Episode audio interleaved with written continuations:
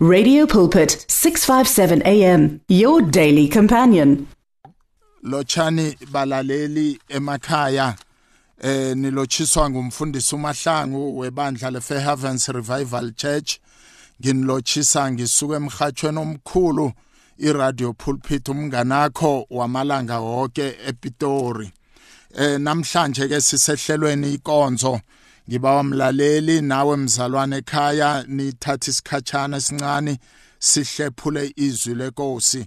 Ngifuna ukukhuluma msinyana ngesihloko esithi remembering Christ suffering in the garden of Gethsemane.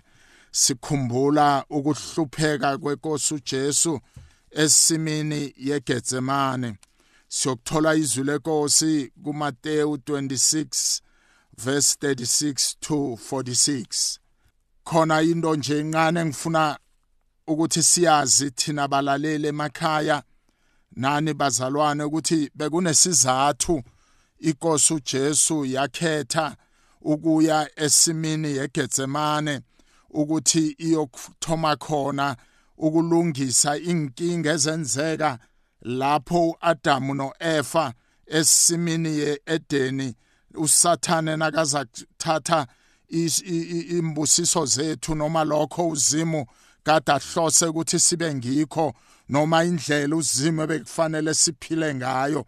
Izwi lenkosi lifundeka ngalendlela Mateyu 26 eh, verse 36 eh to 46 lifundeka ngalendlela Jesu uthandaza eGetsemani yeke uJesu wakhamba nabafundi bakhe baye endaweni ebizwa bona iGetsemane. Wathi kibo yijani nihlezi lapha ngisaya laphaya ngiyokuthandaza. Wakhamba noPetros namadodana amabili kaZebediya wathoma ukuthluwa nokukhathazeka. Wathi kibo umphefumulo wami ubhodwe lisizi bekube sekufeni. Hlalani lapha nilinde kanye nami. Waya phambidlana waguqa wahloma ihloko phasi wathandaza wathi baba nakube kuyakhoneka bengithi kapho ayisuswe kimapha. Nokho kungabi ngokuthanda kwami kodwana kube yintando yakho. Yeke wabuyela ebafundini bakhe wabafumana balele. Wathi kuPetros hawu madoda nibhalelwe. Kulinda nami i-hour elilodwa na? Yelelani nithandaze ukuze ningaweli ekulingweni. Moya uyavuma kodwana inyama ibuthakathaka. Jesu wakhamba kwesibili wayokuthandaza wathi Baba nangabe ikapho le angekhe yasuswa kimi ngaphandle kokubana ngiyisele akwenzeke intando yakho. Kwathi nabuyako godu wafumana abafundi balele ngombana amehlo abo gadazela ubuthongo. Yeke wabachiya wakhamba wabuyela ibafundi wabachiya watsho amazwi lawo wabuyela ebafundini wathi nisalele nisaphumulile na? Qalani isikhathi sesifikile bona indodana yomuntu ikhatshelwe ezandleni zezoni. Sikimani sikhambeni nango umkhapheli asiza. Babegameni elinamandla lenkosethu Jesu Kristu. Izwi lakho leli baba lithadlule ngendlela ethandwa nguwe. Mlalele ekhaya lizwe ukhulume baba. Ngathi uyathoma ukukhuluma ukhulume ngathi ngekhe usaphinda ukhulume egameni elinamandla lenkosethu Jesu Kristu. Amen and amen. Ngithe bazalwane isihloko esikhuluma ngaso nawe mlalele ekhaya. Remembering Christ suffering in the garden of Gethsemane sikhumbula ukuhlupheka kwenkosi ethu Jesu esimini yeGetsemane ngithe mina bekunesizathu ukuthi ingane inkosi uJesu yakhetha ukuya esimini yeGetsemane ngithi mina isizathu ukuthi usathane wabetha wamadla wahlulekisa uAdamu noEva esimini yeEdeni. Jesu ngakho ke bekufanele afune isimo ayesimini ukuze alungise izinto ngoba uAdamu noEva babhalelwa noma bahluleka esimini yeEdeni. Jesu Kristu ukuze alungise lapho nakanikela impilo yakhe elithi izwi lenkosi uzimo walithanda izwe kangaka waze wanikela ngendodana yakhe ezelwe yodwa kobana ngiloyo nalo kholwa ngiya ngabhubhi kodwa nabe nokuphila okuphakade. Jesu wafuna indawo ebeyifana nesimo yeEdeni indawo ebeyifana nendawo lapho usathane ahlulekisa khona uAdamu noEva. uJesu bekafuna ukulungisa ubumbi noma bekafuna ukulungisa indlela usathane ahlula ngayo uAdam noEva bekafuna ukuthola zonke izinto usathana azebileko nasifunda eBhayibhelini kukhona eh, izipi embili ezenzeka noma ezaliwa. Ipi yokuthoma yaliwa esimini yeEdeni lapho sajama khona siqalene nobumbi lapho usathane wabhalelisa noma wahlulekisa uAdam noEva. Yesibili yaba sesimini yeGetsemane lapho kade sijame khona endaweni eqwengileko lapho uJesu Kristu ahlula khona uSathane. Izipi embili ezengikhuluma ngazo zombili zaliwa esimini. Ipi yokthoma yaliwa esimini yeEdeni. Ipi yesibili yaliwa esimini yeGetsemane simini yeGetsemane kulapho Jesu Kristu wahlula khona usathane.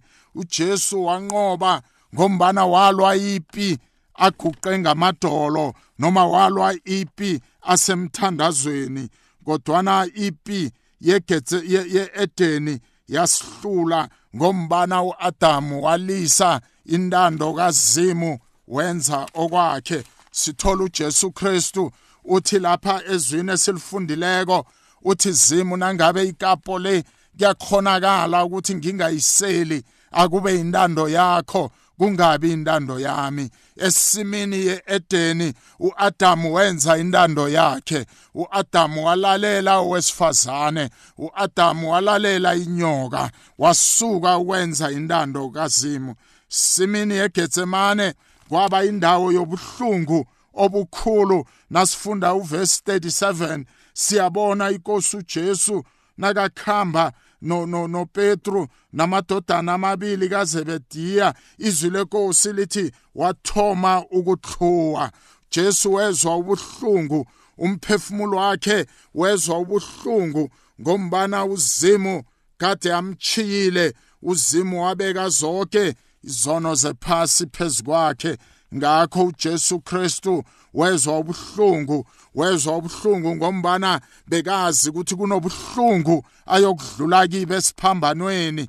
Jesu bekazi ukuthi uphakathi kwesimo lapho uJesu ayokuqalana khona nokuhluleka noma yokuqalana khona nesimo lapho usathana yokulwa naye lapho uzimu amnikele ukuthi abe mnikelo uJesu bekezwa ubuhlungu ezwa ukuchiwa ngubaba noma ukuchiwa nguzimu. Siyathola laphathi zimami zimami ungichiyelani na naseka sesiphambanweni. Bekazi uJesu ubuhlungu lobe bekabuzwa bekazi ukuthi sekufikile isikhathi lapho kufanele anikele khona ngempilo yakhe ibe sisono ukuze thina mina nawe mlaleli izono zethu zithethelelwe.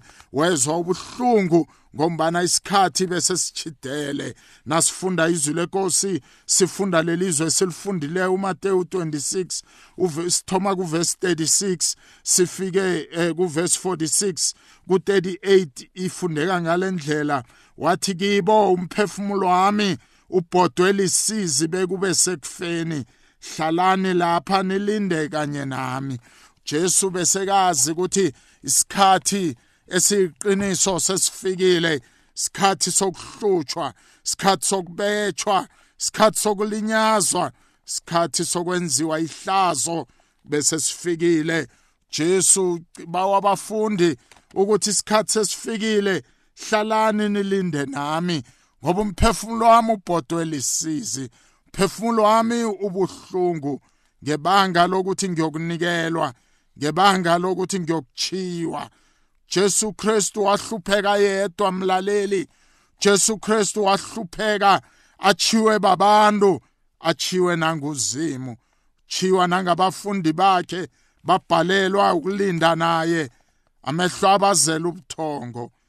Getsemane kwaba indawo yokuhlupheka okukhulu lapho inkosi uJesu ithwenywa khona ihlushwa khona.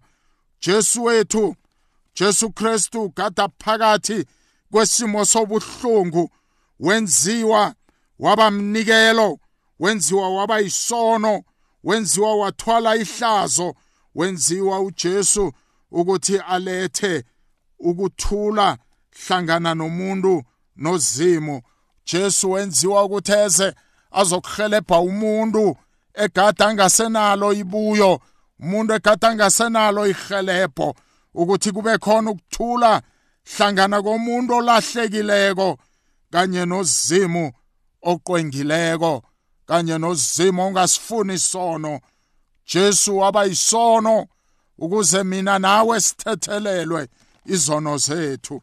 Getsemane bekuyindawo yomunyu kwaba indawo lapho uJesu achiwa yedwa achiwa ngibo bonke abathandako chiwa ngibo bonke abathembileko Jesu kwaba indawo iGetsemane lapho ahlupheka khona. Yahlutshwa inkosi yamakhosi wahlutshwa uJesu Kristu kodwa ukuhlutshwa kwakhe bekuyindlela yokuthi uJesu alungise inkinga eyenzeka esimini yeEdeni lapho uAdamu wasuka entandweni kaZimu kwafika isono kwafika ukufa ephasini ngebanga lokuthi uAdamu abhalelwe ukwenza intando kaZimu.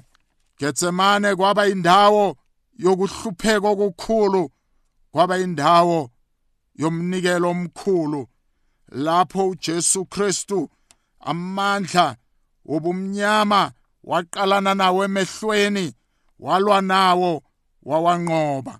Jesu Kristu wayenza intando kazimu nasifunda izwi lenkosi esilifundileko. Sifunda uverse 39 lithi waya phambidlana waguqa wahloma ihloko phasi wathandaza. Wathi baba nakube kuyakhoneka bengithi kapo le isuswe kimapha. Nokho kungabi ngokuthanda kwami kodwana kube yintando kazimo Jesu Kristu wanikela ngempilo yakhe. Jesu noma sekabona qalene nobuhlungu sekabona ukuthi ihora selichidele umkhapheli uyeza uza nabo laba bazomthatha uJesu ayokuhlutshwa. Jesu Kristu waqalana namandla obumnyama waqalana nombuso kaSathane waqalana nombuso obumnyama wawuhlula. Zile nkosi lithi wahloma ihloko phasi wathandaza. Jesu wanqoba wahlula uSathane ngomkhuleko wajamelana nombuso wobumnyama wawuhlula ngomthandazo.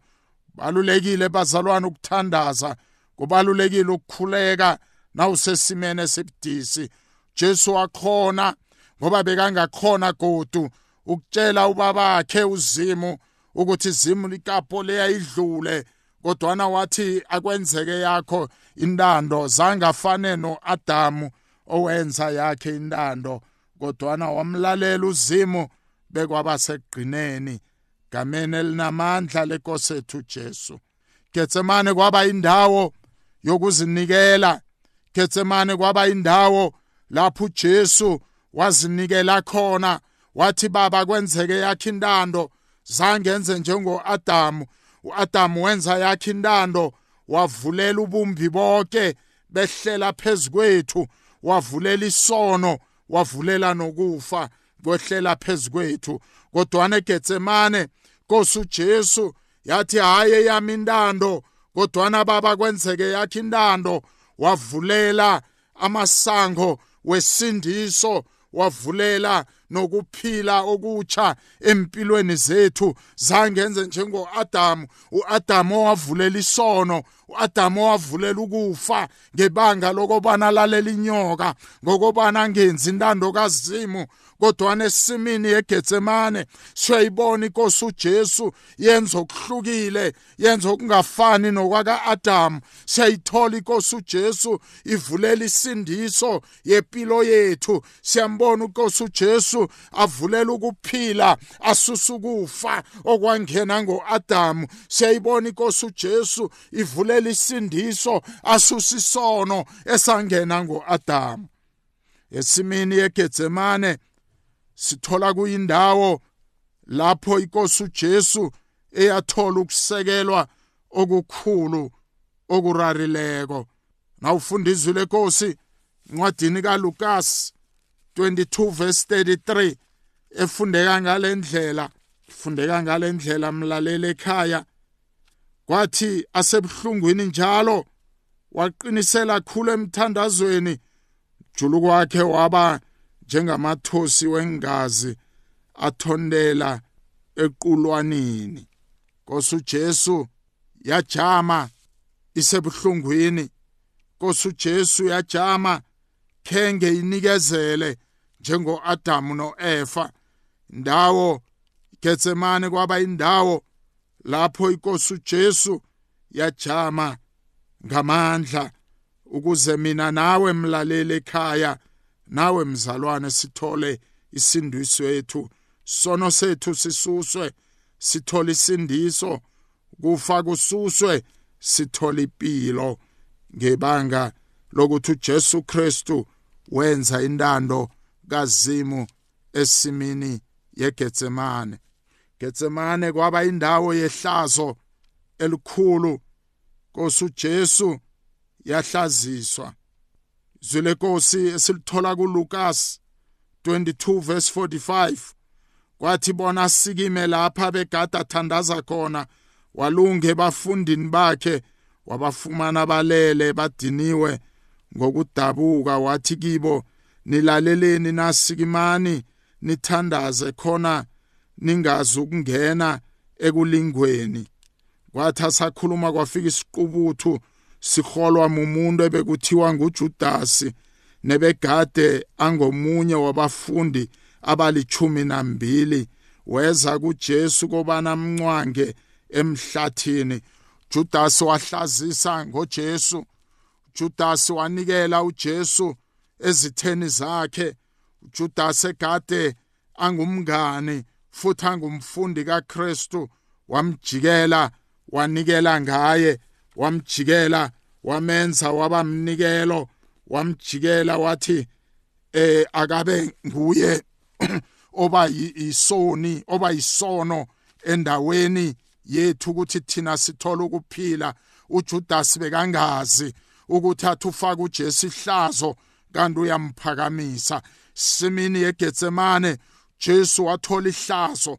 Simini yegetsemane Jesu wabuya wathola impumelelo ngoba abazalwane wasuka wakwakhwanjwa naye wasiwa endawe endaweni ekuthiwa iGabatha wasiwa endaweni ekuthiwa iGolgotha wasiwa ethuneni asuka esiphambanweni wavuka ngekazimulo ekulu uzima amkhazimulisa usathane nesihogo bahluliwe esimini yegetsemane yonke impilo yathola ukuphila esimini yegetsemane kwaba khona impilo esimini yegetsemane ingilosi yafika yamqinisa uJesu phakathi kwesimo sakhe.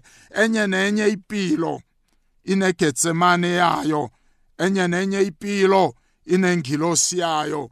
Jesu afikile egetsemane phakathi kokuhlutshwa lapha bawuzima ukuthi naqhoneka ikapo isuswe kodwa nathi zimu kungenzeki yami intando kodwana kwenzeke yakho.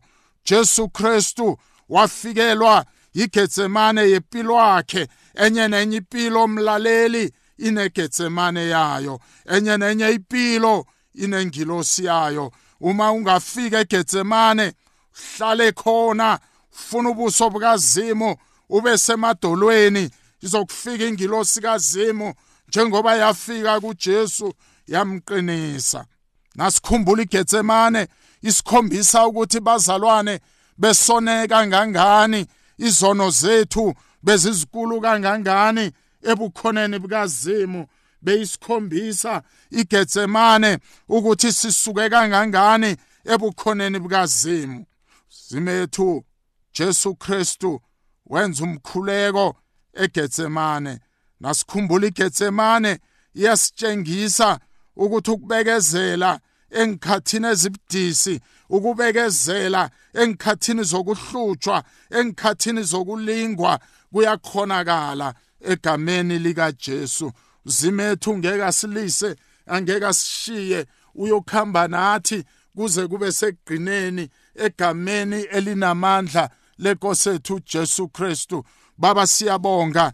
Nanamhlanje ukuthi wena unguzimo omuhle igetsemane yempilo yethu yaletha ukunqoba igetsemane yaletha ukuphumelela igetsemane yaletha amandla igetsemane yaletha ukuphumelela. Lapho sesilahliwe uJesu Kristu wabuya wathola konke usathane egada sebele khona esimini yeEdeni. Nasikhumbula igetsemane sikhumbula ukudumisa uzimethu nasikhumbula igetsemane sibona uJesu azinikela wanikela ngempilo yakhe wahlupheka bekwaba segqineni ukuthi mina nawe sithola ukukhululwa ukuthi mina nawe sithola ukubusiswa kwasikhombe eGetsemane ukuthi ukona kwethu akuyoba yinto ephelako ukuthi izono zethu azitsho ukufa kodwana zitsho ukuphenduka. Yiloyo naloyo zisolako akhumbula iGetsemane.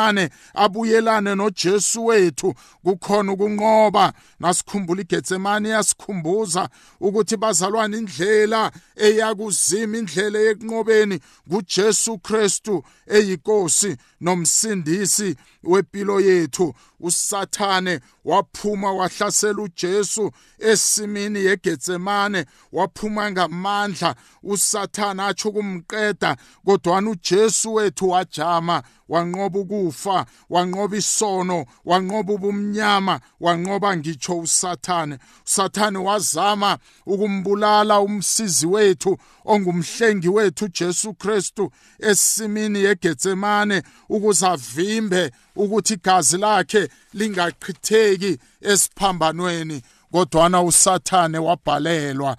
Simini yegetsemani inkosi ujesu yabuyisela konke. Usathana kwebile esimini ye-edeni. Ngiyakhuleka namhlanje mlaleli. Ngiloyo naloyo othi ngikhumbula igetsemane ngikhumbula inkosi ujesu ingihluphekela. Ngikhumbula inkosi ujesu ahlutshwa ngebanga lesono sami. Ngifuna ukukhuleka nawe namhlanje. Usakhumbula igetsemane getsemane bazalwana zange laba umdlalo kodwa igetsemane laba indawo lapho uJesu Kristu walwa noSathane wanqoba wathola zonke izinto zethu uSathane azebileko. uSathane lapho bekazama ukuvimba inkosi uJesu ukuthi ingaye eGetsemane kodwa wajamelana naye wamnqoba. Esikufundako bazalwana ukuthi loyo naloyo sinawo amandla ngoJesu. Ukunqoba. Sinawo amandla ngoJesu ukwenza intando kaZimo sinawo amandla ukuthi nanoma sifike eGetsemane yempilo yethu khona ingilosi eyafika yamqinisa uJesu. Nasijama ngamandla sijamelana nenilingo sijamelana nokuhlaselwa khona iGetsemane yempilo yakho oyokungena kiyo kodwa nahlala wazi ukuthi khona ingilosi yempilo yakho izokuqinisa njengoba yamqinisa uJesu. Phakamisa izandla ekhaya ngikhuleke nawe. Angazi ukuthi ukuyiphi iGetsemane wena kodwana ngena eGetsemane ungenzi njengo-Adamu esimini ye-Edeni unikezele. Noma ungena eGetsemane yenza intando kazimu yitsho kuzimu ukuthi hayi yakhe intando kodwana kazimu uzokunqoba njengoba uJesu wamnqoba uSathane. Babegameni elinamandla lenkosi yethu uJesu. Siyabonga baba ngegetsemane siyabonga ngenkosi yethu Jesu babe wayinikela ngempilo yayo ukuthi thina baba sithole impilo yokusindiswa noma sesonile singalahlwa. Kodwana wena baba waba nguzimu wethuba lesibili sithole baba ukusindiswa. Baba nangu umlaleli nangu umzalwane ekhaya. Uyavuma ukuthi usegetsemane yempilo yakhe kodwana baba uyokwenza yakhe intando akayokwenza intando kaSathane akayokwenza yakhe intando kodwana uyokwenza yakho. Ngombana baba nasenza intando yakho uyosithumela ingilosi siqinise phakathi kwezimo zempilo yethu. Gameni elinamandla lenkosi yethu Jesu father we thank you we honor you in the mighty name of our lord jesus christ. Amen and amen. Hallelujah The words of the Lord are words of life. Your heart is on 657 AM. 657 AM. Radio for believers in action.